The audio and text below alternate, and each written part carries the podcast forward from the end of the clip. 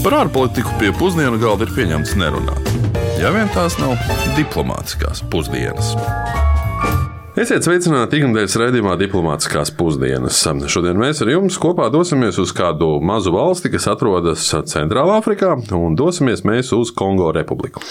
Kongo republika bieži tiek saukt arī par Kongo Brazavilu vai vienkārši Kongo, un tas tiek darīts, lai to atšķirtu no kaimiņos esošās Kongo Demokrātiskās republikas, jeb Beļģu Kongo, par kuru mēs esam runājuši jau iepriekšējā raidījumā.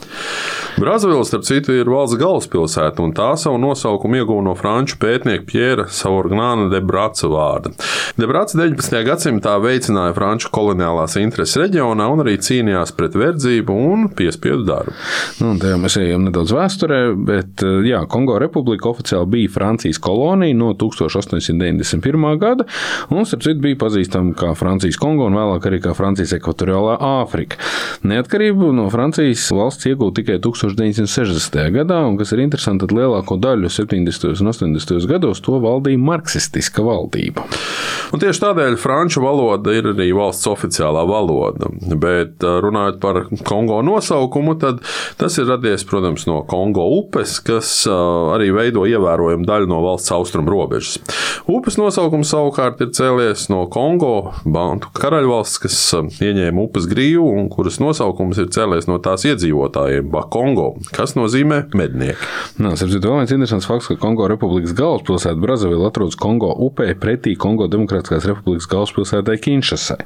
Un abas pilsētas atrodas mazāk nekā pusotru kilometru attālumā, padarot tās par tuvākajām galvaspilsētām pasaulē. Jāsaka gan, ka Roma un Vatikāns atrodas tuvāk, tā kā Vatikāns jau faktiski ir pilsētu valsts, nu, kā mēs runājām, Romas uh, rajons, un uh, tehniski tam Vatikānam nav galvaspilsētas, bet tajā, protams, tā arī nav ANO dalība valsts. Bet nu gan dosimies Rīgas ielās un uzzināsim, ko tad par šo 5,8 miljonus cilvēku lielo valstiņu zina mūsu iedzīvotāji. Ar ko jums saistās Kongo republika? Nu, kā jau pa Āfriku laikam, nu, tur nezinu, tūkstnešais droši vien kaut kas tāds. Kongo ir dzirdēta masu mēdījos, ziņās vai lasīts ir cilvēkiem, man liekas. Kongo republiku, tas ir Āfrikā. Es strādāju ceļojuma nozarē, tā kā zinu, kas tas ir. Kur tieši arī nepateikšu. Āfrikas valsts. Daudz imigrantu Francijā tur ir no turienes. Jā, Āfrikā atrodas. Vairāk nekas. No Āfrikā tā gan ir. Tik daudz ir dzirdēts, un, un ir dzirdēts arī par iepriekš, man liekas, par aparteidu, kas tur ir valdījis, un kara darbība notiek. Kongo republikā ir daļēji prezidentāla valsts pārvaldes sistēma, kurā prezidents ir um, valsts vadītājs, bet premjerministrs valdības vadītājs. Un prezidentu ievēl uz pieciem gadiem. Tam gan nav termiņa ierobežojumi, jo 2015. Um, gadā tika ierosināts izmaiņas konstitūcijā, kas tad arī atcēla prezidenta amatu termiņa ierobežojumus, ļaujot vienam kandidātam ieņemt amatu nenoteiktu termiņu skaitu. Jā, tas ir, protams, konkrētais gadījums. Ir arī pašreizējais Kongo republikas prezidents eh, Denis Sassons Gueso, kurš ir bijis pie varas vairāk nekā 35 gadus. Un pirmo reizi viņš kļuva par prezidentu 1979. gadā, tad līdz 92. viņš bija amatā, tad atkal no 1997. gada līdz pat šodienai viņš atgriezās amatā. Nu, viņa ilgo laiku amatā raksturo, kas nepārsteidz apsūdzības korupcijā, cilvēktiesību pārkāpumos un, protams, arī politiskās brīvības trūkumu. Jā, Kongo republikas valdība tiek kritizēta par par slikto cilvēktiesību situāciju valstī, tostarp par vārda pulcēšanās un biedrošanās brīvības ierobežojumiem. Arī politiskās opozīcijas un pilsoniskās sabiedrības grupas ir saskārušās ar uh, valdības drošības spēku vajāšanu, ar iebiedēšanu. Un, starp citu, starp valsts prezidents uh, Denis Sassons Gueso ir apsūdzēts valsts resursu izmantošanā, personīgā labuma gūšanai un arī politiskās opozīcijas apspiešanā. Nu, Varētu arī teikt, klasika tādos režīmos jautājumos. Nu, korupcija ir būtiska problēma Kongo republikā, respektīvi, ja mēs paskatāmies pēc Kongo vietu globālajos korupcijas indeksos, tad, protams, ka viņi nav starp labākajām valstīm. Un valdība tiek konstanti apsūdzēta ienesīgu līgumu slēgšanā ar uzņēmumiem, kuriem ir cieša saikne ar valsts prezidentu un viņa tuvāko padomdevēju un sekotāju loku, kā arī par ieņēmumu vienkārši privatizēšanu no tā, kas nāk no dabas resursu eksporta. Nu, kā piemēram, varam minēt to, ka Kongo valdība tiek uzskatīts ļaunprātīgi izmantojis līdzekļus, kas bija paredzēti Covid-19 nu, palīdzības pasākumiem, novirzot šos līdzekļus, lai samaksātu, piemēram, par luksus transporta līdzekļiem. Savukārt daudz veselības aprūpas darbinieki tajā pašā laikā palika bez atalgojuma. Tiecīgi nestabilitāte valstī ir veicinājuši arī reģionālai konflikti, tostarp pilsoņu karu ietekmi kaimiņos kaimiņos esošajā Kongo Demokrātiskajā republikā. 2017. gadā valdība saskārās ar sacelšanos pūles reģionā, kas izraisīja ievērojamu vardarbību un arī cilvēku, protams, migrāciju.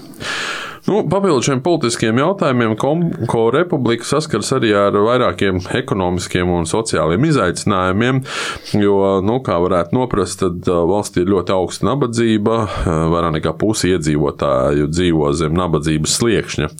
Veselības aprūpas un izglītības sistēmas, protams, ir nepietiekami finansētas un arī nu, faktiski nav atbilstošas piekļuve pamatpakalpojumiem, nu, piemēram, tādām elementārām un mums pašsaprotamām lietām, kā tīram ūdenim un arī nu, sanitārijai, ir ļoti ierobežota. Tāpat kā daudzas citas pasaules valsts, arī Kongo republika piedzīvo klimata pārmaiņu sekas, tostarp temperatūras paaugstināšanos, nokrišņu daudzumu izmaiņas un arī biežākus ekstremālus laikapstākļus. Un visas šīs izmaiņas var būtiski ietekmēt arī valsts dabisko vidi, lauksaimniecību un arī ekonomiku. Jā, un starp citu, Kongo republikā ir īpaši interesanti ar savām klimata pamatiezīmēm. Respektīvi, valsts ir viena no mitrākajām valstīm pasaulē, un relatīvais mitruma līmenis bieži pārsniedz 90%. Un šis augstais mitrums var padarīt temperatūru daudz karstāku nekā tā patiesībā būtu sausākos apstākļos, un tas var attiecīgi veicināt arī pelējumu un visādi veidu sēnīšu augšanu. No malas tas izskatās pēc tādas konstantas dzīvošanas, um, tādā mēreni remdenā pirtī. tā arī ir, kā ņorlēna. Tādēļ par to, ko tas viss īsti nozīmē, un uh, ka mitruma līmenis bieži pārsniedz šos 90%, kā tas izpaužas un ar ko ir jārēķinās sabiedrībai. Un to mēs jautājām mūsu kolēģim un uh, Vislatvijas uh, laikapstākļu guru Tomam Bricim. Kongo līdzās ar citām ekvatoriālās eh, klimata zonas valstīm ir viena no mitrākajām vietām uz Zemes, kur visu gadu ir karsts un vienlaikus arī mitrs, bieži līs. Turklāt parasti tās ir lietusgāzes, nevis smidzināšana. Līdz ar to ir arī mitrs gaiss. Un galvenie iemesli ir pirmkārt Saule, kas vispār ir svarīgākais laikapstākļus veidojošais faktors uz Zemes, un Saules siltuma izraisītā atmosfēras cirkulācija. Tā kā ap ekvatoru visu cauru gadu no Saules saņemtais siltums ir lielākais uz Zemes, tā vienkārši sakot, atmosfēra palīdz šai siltumenerģijai nokļūt uz reģioniem, kur siltuma ir mazāk, proti, uz poliem. Un tas iedarbina globālos atmosfēras cirkulācijas procesus kas virs ekvatora nozīmē gandrīz konstantu sasilušā gaisa celšanos augšup, kas savukārt rada mākoņus un, un arī nokrišņus kas pēc nolīšanas atkal iztvaiko ceļus augšā, rada jaunas lietas mākoņus, līdzīgi kā pie mums dažkārt notiek vasaras karstākajās dienās.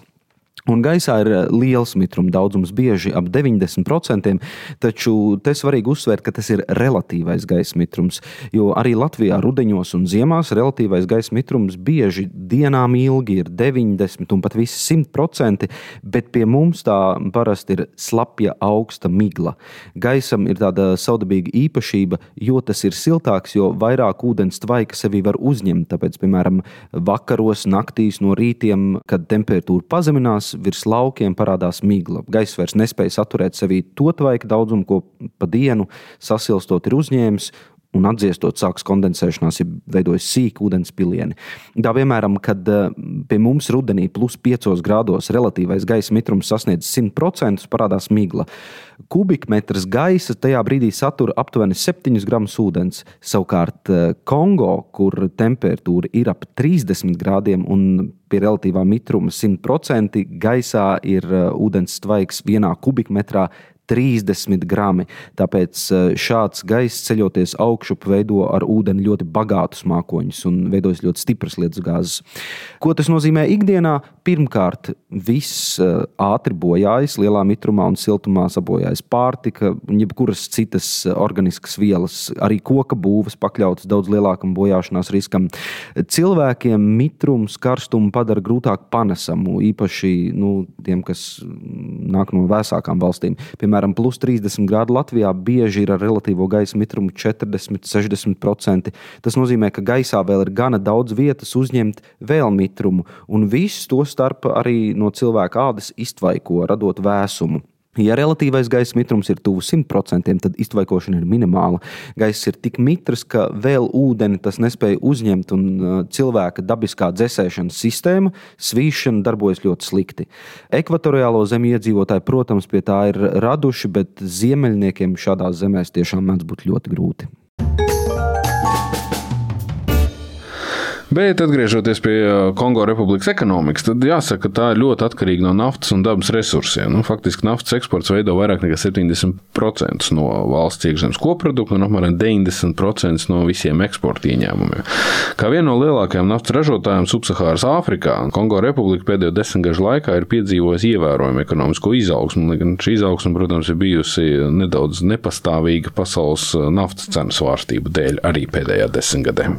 Nu, papildus naftai naftai Kongo republikā ir ievērojams citu dabas resursu, tostarp koku materiālu, dimantu, arī citu minerālu rezerves.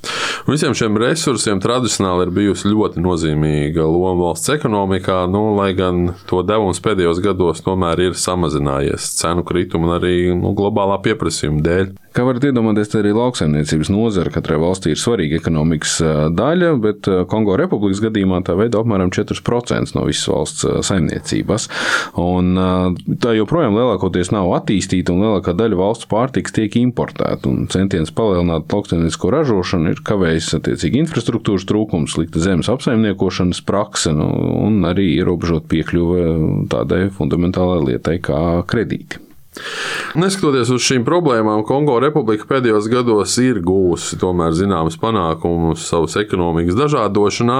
Tiek īstenots vairākas reformas, kuru mērķis ir uzlabot uzņēmēju darbības vidi, arī piesaistīt ārvalstu investīcijas un veicināt ekonomikas izaugsmi ar naftu nesaistītās nozarēs. Nu, tas viss ir novedis pie tā, ka tādas nozares kā telekomunikācija, būvniecība, transports pēdējos gados ir uzrādījušas visai ievērojumu izaugsmi. Jā, un rezumējot, gan jāsaka, neskatoties uz visiem šiem naftas eh, ekonomikas dažādošanas centieniem, IKP uz vienu iedzīvotāju Kongo republikā pēc pirmspējas paritātes ir desmit reizes mazāks nekā Latvijas, un tas ir tikai 3000 eiro liels uz vienu iedzīvotāju. Lai cik būtu paēdis, vienmēr ir vieta arī desertam. Šodien desertā mēs parunāsim par ko rūktenāku un noslēpumaināku par Kongo Republikas tradicionālās pārvaldības sistēmu, jeb šeferī, kas ir svarīga valsts kultūras mantojuma daļa. Un šīs sistēmas pamatā ir vietējo uzraugu tīkls, kuri ir atbildīgi par mieru un kārtības uzturēšanu savās kopienās.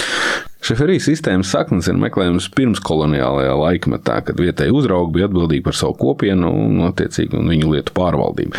Sistēma vēlāk tika formalizēta koloniālajā periodā, kad Francijas koloniālās varas iestādes atzina vietējo uzraugu autoritāti un iecēla viņus par starpniekiem starp koloniālo administrāciju un vietējiem iedzīvotājiem. Nu, saskaņā ar šo šeferijas sistēmu vietējie uzraugi ir atbildīgi par plašu pienākumu loku, to starp strīdu risināšanu, vietējo resursu pārvaldību, sociālās kārtības kārtības uzturēšanu. Nu, viņi bieži ir ļoti cienīti savus kopienas locekļus, un viņiem ir arī svarīga loma sociālās kohēzijas uzturēšanā. Kurš tagad ir pašvaldību vadītāji? Šeferijas sistēma ir arī svarīga valsts politiskās mm, kopējās ainavas sastāvdaļa, jo papildus savām tradicionālām lomām vietēji uzraugi arī ir nozīmīgi valsts politiskajā sistēmā, un daži no tiem darbojas arī kā valdības amatpersonu padomnieki un piedalās valsts politiskajās diskusijās. Nu, lai gan tradicionālajiem uzraugiem ir ievērojami ievērojama ietekme vietējā līmenī prezidentam un mūsdienu politiskajai sistēmai tomēr ir augstākā vara un arī lēmumu pieņemšanas vara valsts līmenī. Prezidents un citas ievēlētās amatpersonas, protams, ir atbildīgi gan par politikas veidošanu un ieviešanu nu, tādos jautājumos kā veselības aprūpe, izglītība, infrastruktūra un ekonomika. Bet pārējie lēmumi tātad vietējā līmenī. Bet ar šo šīs dienas raidījumu mēs arī noslēdzam un sadzirdēsimies jau pēc nedēļas. Vēl tik nobeigumā atgādināšu, ka klausieties noteikti mūs varat Latvijas radio mājaslapā, mobilajā lietotnē un citos veidos, kur vien mūs varat atrast. Raidījumu mums palīdzēja veidot Ulris Česbergs un Aleksandra Palkova, un nākamnedēļ jau mēs dosimies uz Afganistānas Islāma Republiku. Līdz tam, lai izdodas! Diplomātiskās pusdienas katru otrdienu pusdienos Latvijas Radio 1.